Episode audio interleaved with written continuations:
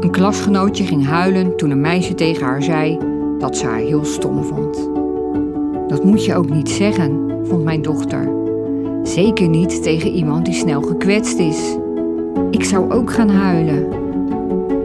We kregen het over wat je wel en niet kunt zeggen. Je kunt best zeggen dat je het stom vindt dat iemand steeds tegen je aanduwt, vond ik. Nee, zei mijn dochter, dan moet je vragen: wil je niet meer tegen me aanduwen? Ze zeggen altijd dat je zoveel van je kinderen leert. Eigenlijk weet ik nooit goed wat mensen daarmee bedoelen. Maar vandaag wist ik het wel. Ik had wat geleerd.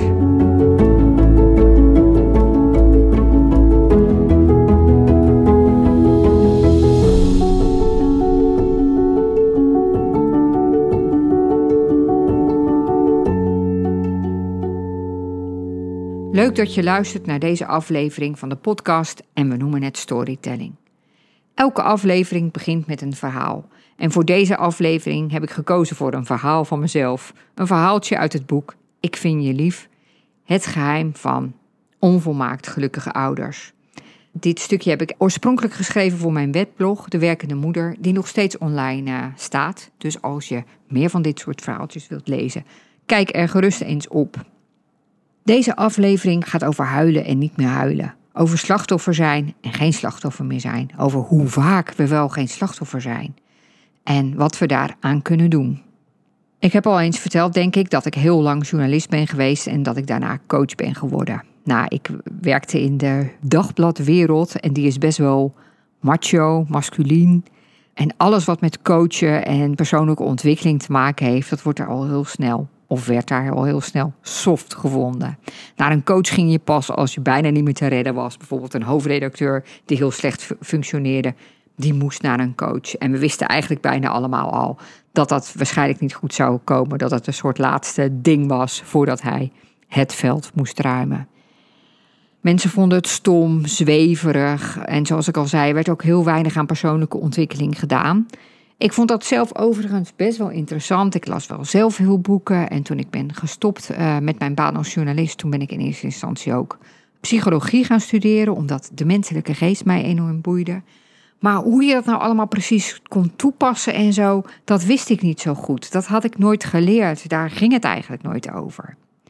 En vandaar ook dat mijn eerste coachopleiding één ontdekkingsreis was naar ja, eigenlijk naar wat je zelf kan doen als iets niet gaat zoals jij het wilt.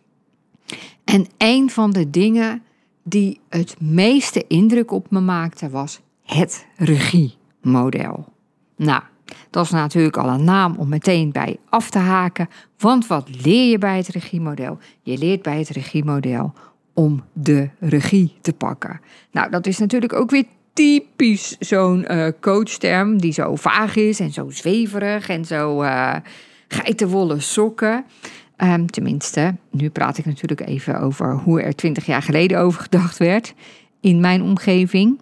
Ik heb er zelf trouwens ook nog uh, lang zo over gedacht. Daarom had ik ook best wel aarzelingen om coach te worden. En toen ik het was geworden, toen noemde ik mezelf ook een hele nuchtere coach. En voor de grap zei ik dan altijd: ik wilde coach worden, de enige coach in Nederland van wie je niet in je kracht hoeft te gaan staan. Want dat is ook zo'n coach-uitdrukking. En dat vond ik ook, ik vond dat ook stom. Maar later ben ik pas gaan beseffen hoe werkelijk, hoe echt die, die uitdrukking eigenlijk is, in je kracht staan. Want in je kracht staan, als je, als je gaat staan en je zet je voeten stevig op de grond en je denkt, nou kom maar, ik kan het aan, ik ga het doen, weet je, dan sta je in je kracht. Daar is bijna geen andere term voor te verzinnen en er is niks zweverigs aan. Het is juist stevig. Het is sterk.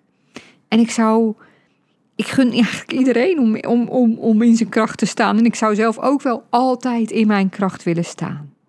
Maar in het regiemodel leer de regie pakken. Nou, wat is dat? Het gaat op voor grote en voor kleine dingen en het zijn situaties die heel vaak voorkomen en waar we vaak op een hele bepaalde manier op reageren. Ik zal beginnen met een heel simpel voorbeeld, een beetje een huistuin- en keukenvoorbeeld. Je hebt een afspraak, een hele leuke afspraak, uh, ik zal maar zeggen een borrel of uh, een uh, high tea of weet ik het. En uh, je gaat daar naartoe en je komt onderweg in de file. En daar baal je verschrikkelijk van. Want je hebt totaal geen zin om te laten komen. En het is ook op een tijdstip waarop je geen file verwacht. En je baalt ervan. Want waarom waar moeten al die mensen nu naartoe? Waarom heb ik dat? Er staat hier nooit file. Waarom is dit eigenlijk een tweebaansweg? Hadden ze niet al lang een driebaansweg uh, van moeten maken? Waarom heb ik net uh, niet op het nieuws gehoord dat er een file stond? En waarom heb ik dat nou? Nou, en zo zit je dus in die auto vreselijk op te winden. En je gaat nog meer balen en je gaat nog meer balen. En je wordt er totaal niet vrolijk van. En je geeft iedereen de schuld. En je hebt maar de heet dat verhaal in je hoofd.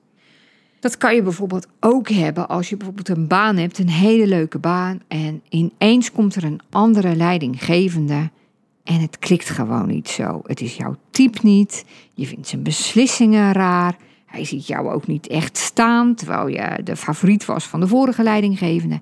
En je merkt gewoon dat je werk gewoon een stuk minder leuk is. En thuis merken ze het ook, want ja, je komt uh, niet meer vol energie thuis, maar zonder energie. Je hebt s'avonds nergens meer zin in. Je bent vaak humeurig. Je klaagt veel, want die man dit, die man dat en wat hij nu weer heeft gedaan. En al je werkvreugde is gewoon bij je weggeslagen en dat komt door die ene man. En was die maar nooit gekomen? En wie zat er in die sollicitatiecommissie? En als die ander nu maar gewoon was gebleven, ja, dan was het allemaal niet zo erg geweest.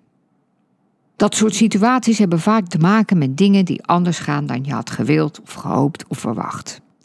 De, de situatie is anders, er staat een file, iemand anders is anders, de nieuwe leidinggevende is niet zo leuk als je had gehoopt. Of je valt jezelf enorm tegen, je baalt enorm van jezelf. Bijvoorbeeld, je bent ondernemer of je bent misschien ook coach en uh, je hebt een gesprek met iemand die klant wil worden en dat gesprek mislukt. Want die klant die haakt toch af, die doet het toch niet. Nou, je kan jezelf wel voor je kop staan. Ik had dit moeten zeggen, ik had dat moeten zeggen. Ik heb gewoon niet goed duidelijk gemaakt hoeveel waarde het deze heeft als hij of zij met mij gaat werken, wat het allemaal gaat opleveren. Ik ben niet goed in de bezwaren van hem of haar opgegaan. Ik had me veel duidelijker. Nou, het blijft maar door je hoofd spoken. Wat stom. En ik wist toch hoe het moest en toch heb ik het niet gedaan. Dus die situaties die hebben te maken met een situatie die anders loopt. Iemand anders die niet doet zoals jij het had verwacht, gehoopt of gewild. Of je valt jezelf enorm tegen. En wat gaan we dan doen? We gaan balen. We gaan klagen. We gaan eigenlijk als een varkentje een beetje ronddraaien in een grote modderpoel. En we worden eigenlijk steeds viezer. We zijn slachtoffer van de situatie van iemand anders of van onszelf. En we weten niet hoe we eruit kunnen komen, want we kunnen er niets aan doen. Er is ineens een file, er is ineens een andere leidinggevende en ik heb gewoon weer gefaald. En de regie pakken betekent dat je als varkentje opstaat en iets anders gaat doen. Dat je die visieuze cirkel uitgaat. En het goede nieuws is, dat kan altijd. Hoe diep je ook in die modder ligt en hoe je ook denkt, ik kom hier nooit meer uit en er is overal modder en mijn enige lot is dat ik in die modder zit. Nee, je kunt er altijd uitkomen. Je hebt altijd een keuze. In welke situatie je ook zit, je hebt altijd een keuze. Je hebt altijd drie keuzes. Je kunt kiezen. Kan ik uit deze situatie weggaan en wil ik dat? Zo ja, doe dat. Als dat niet kan, als je midden in die file zit, kun je daar niet uit. Kan ik de situatie veranderen? En de derde keus is: kan ik de situatie accepteren? Dan is accepteren niet een soort, nou ja, ook weer een beetje slachtofferachtig. Ja, nou ja, het is ook niet anders. Nou ja, ik moet het er maar mee doen. Nee, dat is aanvaarden, de situatie aanvaarden. Het is er, het is nog steeds niet leuk, maar ik kan er wel anders mee omgaan. Als je in de file zit, kan je dan weggaan.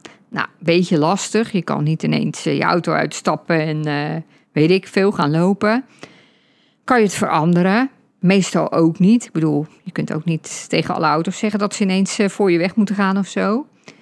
Kun je het aanvaarden? Kun je het accepteren? Ja, ik zit nu in de file, ik kom te laat, ik kan er niets aan doen, maar ik kan wel lekkere muziek opzetten of naar een leuke podcast gaan luisteren. Je hebt een leidinggevende met wie het niet goed klikt. Kun je weggaan? Ja. Je kan een andere baan gaan zoeken of stoppen met werken. En als je dat niet wilt, dan komt de volgende vraag: kan ik het veranderen?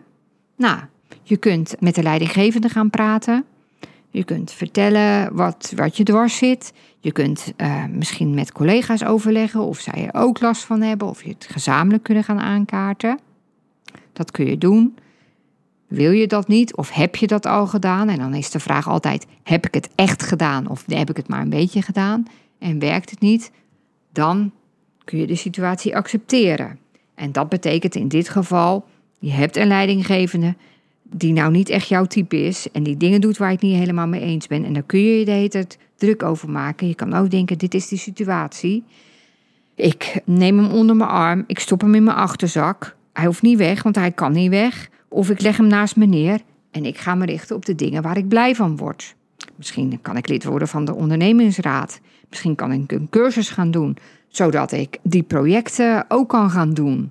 Uh, misschien kan ik vaker met uh, collega's mee gaan borrelen, omdat ik daar heel vrolijk van word. Of misschien kan ik overplaatsing aanvragen naar een andere afdeling. Nou, dat is dan eigenlijk alweer een beetje veranderen.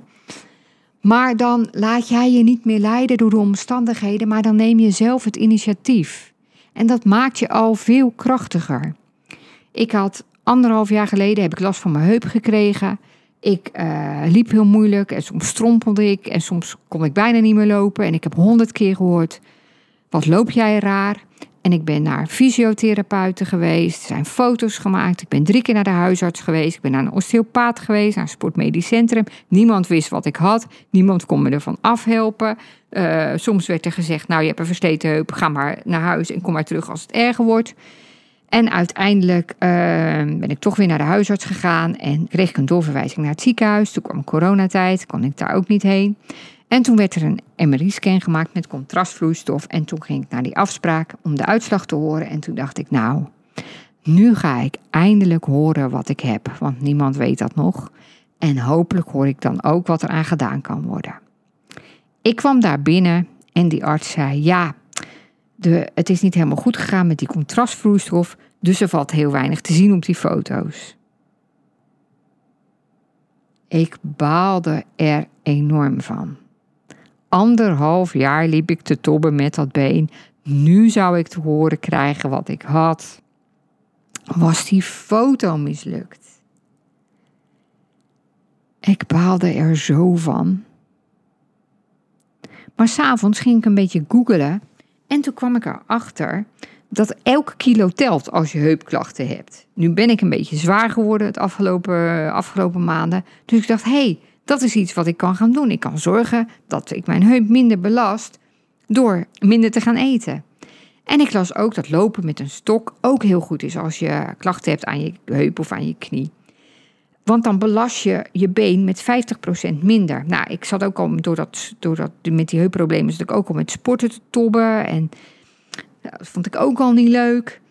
En toen dacht ik, hé, hey, ik ga Nordic Walking stokken vragen voor mijn verjaardag. Ik was bijna jarig.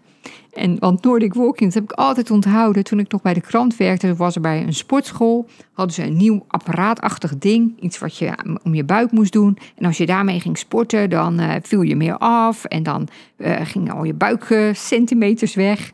En ik ging dat voor de krant drie keer in de week doen. En daar schreef ik dan stukjes over. Het werkte ook. En heel vaak kwam die eigenaar van de sportschool dan even een praatje maken. Nou, dat begreep ik natuurlijk wel. Hij wilde graag dat ik hem en de sportschool en het apparaat heel erg leuk vond. Want dan ging ik natuurlijk leuke stukjes erover schrijven. En ik weet nog, ben ik nooit vergeten, dat hij een keer tegen mij zei: Het beste wat je eigenlijk kan doen is Nordic walking omdat dat heel goed is voor heel veel spieren, omdat je er heel veel calorieën mee verbrandt.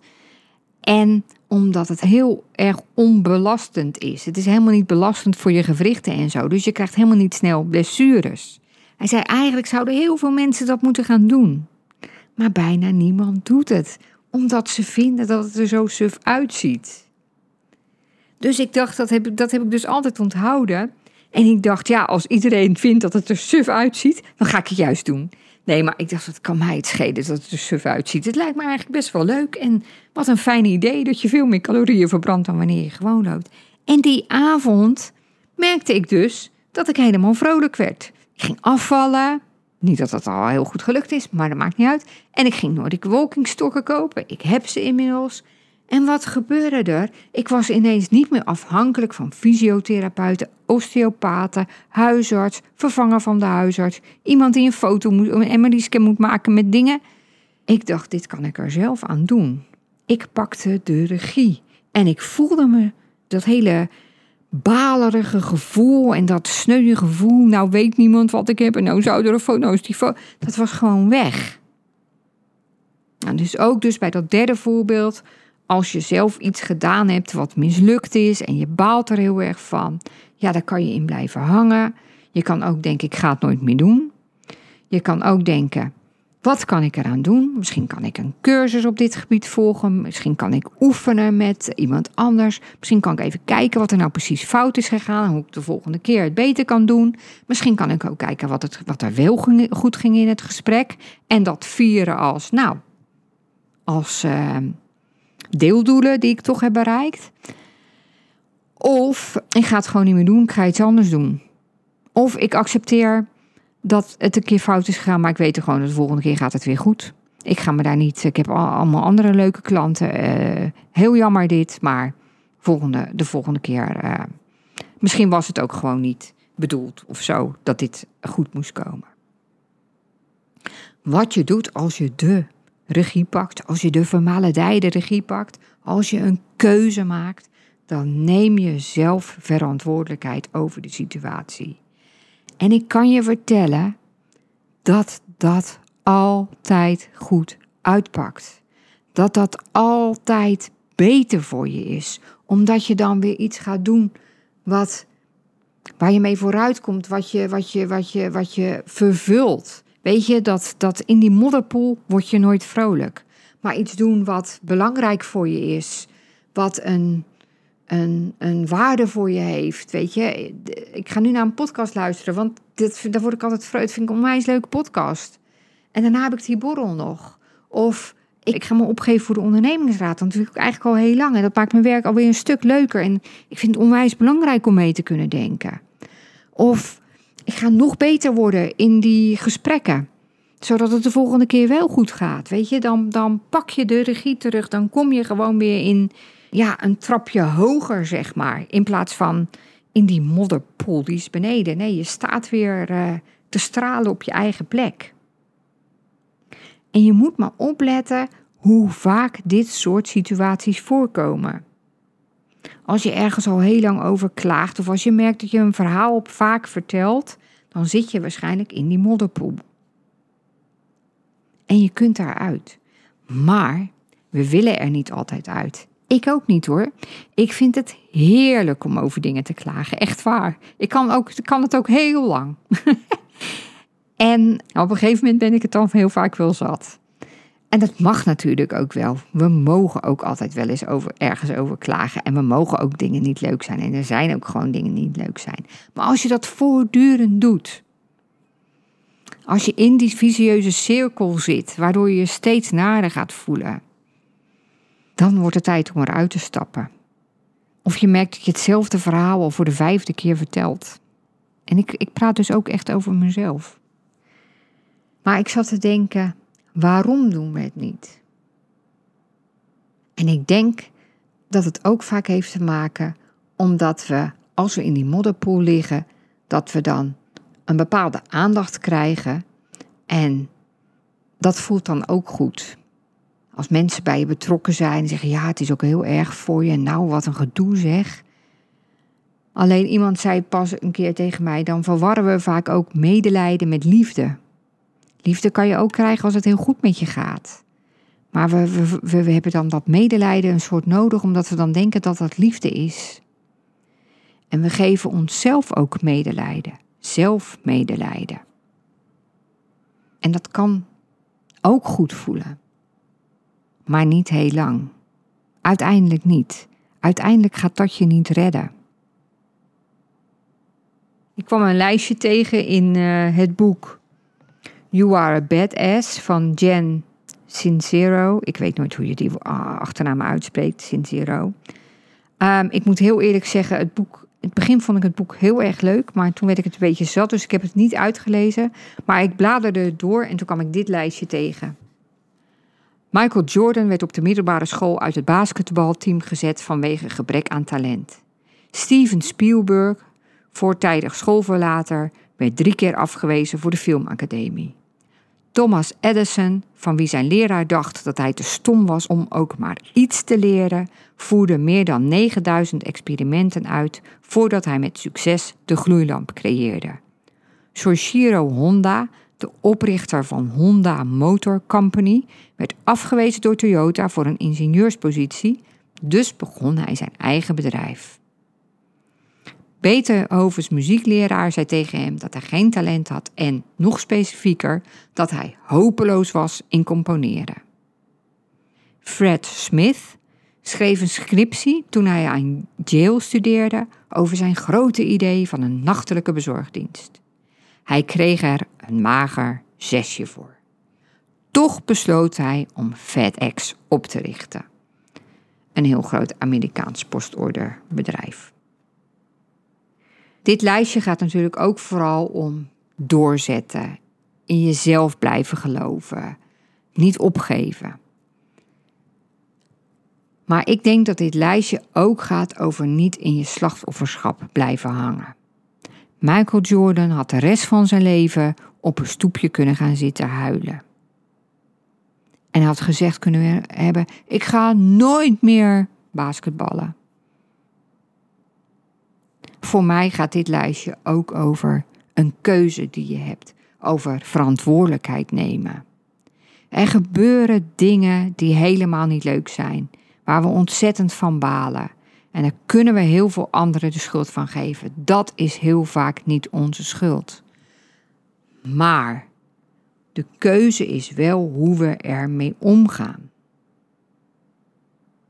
Er zijn heel veel mensen die iets meegemaakt hebben in hun jeugd, waar ze nog steeds last van hebben. Of die op een bepaalde manier zijn opgevoed door hun ouders, waardoor ze nog steeds zelf niet tot volle bloei kunnen komen. Ze hebben bijvoorbeeld altijd gehoord dat bescheidenheid heel goed is en eh, dat ze maar niet moeten denken dat ze weet ik veel wie zijn en dat dat nou eenmaal in hun kringen niet uh, voorkomt. En zo kun je heel lang heel klein blijven houden.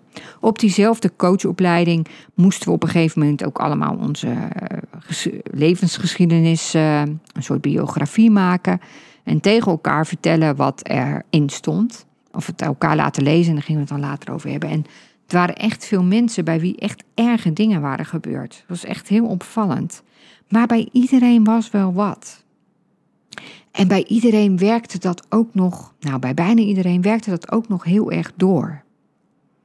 En ik zal de laatste zijn die zegt dat je dat moet wegstoppen of dat het niet erg is. Want ik weet ook hoeveel invloed dingen hebben als ze gebeuren als je heel jong zijn. En toch, en toch is het altijd een keuze om dat met je mee te blijven slepen. Om dat als excuus te gebruiken.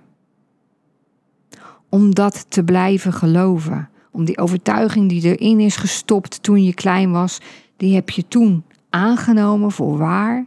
En als je volwassen bent, is het nog steeds een keuze om dat te blijven doen. Je kunt dat ook niet meer doen. Je kunt ook je verhaal veranderen, een nieuw verhaal maken. Of het accepteren dat het zo is geweest. En weet dat het bij je hoort. Maar zeggen, ja, maar dit is niet meer mijn keuze. Mijn keuze is om dit nu wel te doen. Om wel groot te gaan denken. Om dit nu wel te durven. Om dit anders te doen. En dat is ook spannend. Want we hechten soms ook zo aan onze verhalen. En wie ben je zonder je verhaal? Dan ben je iemand die die keuze of die dat excuus niet meer heeft, die het anders kan gaan doen. Maar dat is natuurlijk ook weer spannend. En dat verwacht je omgeving misschien ook wel niet. Wie zou je zijn zonder je verhaal? Wie ben jij zonder je verhaal? Dat is een uitspraak van Byron Katie.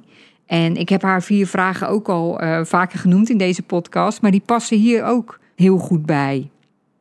Als we, als we in een situatie zitten die we niet prettig vinden, waar we niet blij van worden, waar we van balen, die ah, echt gewoon niet leuk is. Ik heb het niet meer naar mijn zin op mijn werk en dat komt door die leidinggevende. Sinds hij er is, is er gewoon niks meer aan. Is dat waar? Kun je 100% zeker weten dat het waar is? Misschien kan je zelf een situatie in je, in je hoofd nemen waar je van baalt, waar je al een tijdje last van hebt. Een situatie of iemand of iets wat je zelf hebt gedaan, wat, wat gewoon tegenvalt, wat anders is dan je had verwacht. En je gedachten daarover. Dat je er niks aan kan doen, dat het je ook maar is overkomen en dat je. Is het waar? Sinds die nieuwe leidinggevende er is, is er niks meer aan. Is dat waar? Kun je 100% zeker weten dat het waar is? En wie zou je zijn zonder die gedachte? En kun je de situatie ook omdraaien? Sinds die nieuwe leidinggevende er is, is het mijn werk ook nog leuk. Er gebeuren dingen in het leven die tegenvallen, die niet zo leuk zijn, waar we van balen. En die zijn heel vaak niet onze schuld. Ik moet ook even denken aan mensen die scheiden. Heel veel scheidingen lopen uit op vechtscheidingen. Heel veel mensen blijven heel lang verbitterd en ongelukkig door een scheiding. En een scheiding is erg.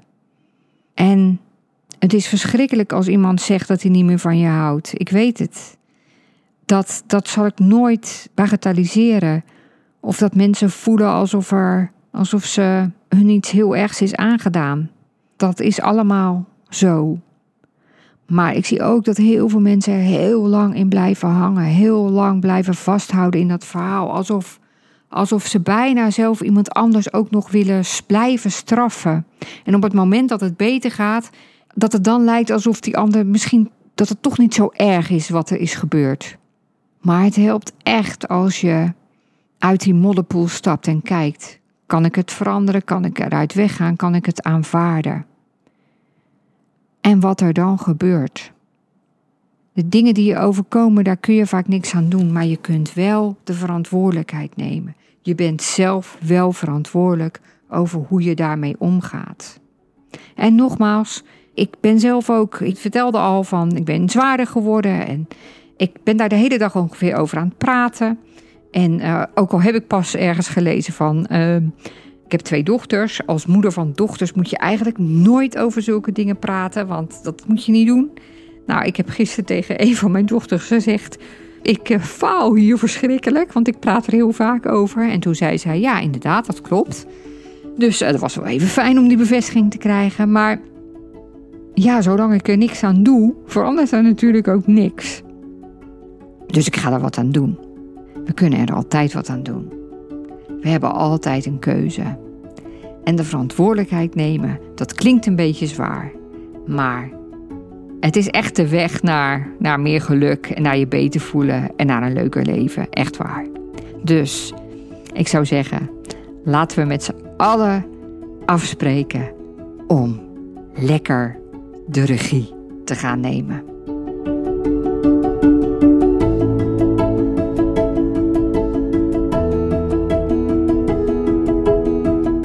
Dankjewel dat je hebt geluisterd naar deze aflevering van En we noemen het Storytelling. Je kunt mij volgen op social media en je kunt me mailen als je iets anders wilt.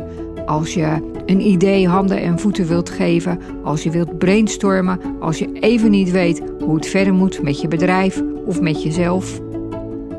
Je kunt me heel eenvoudig bereiken via de mail info@janetvandijk.nl. En Janet schrijf je ook heel eenvoudig J-A-N-E-T. Heel graag tot het volgende verhaal.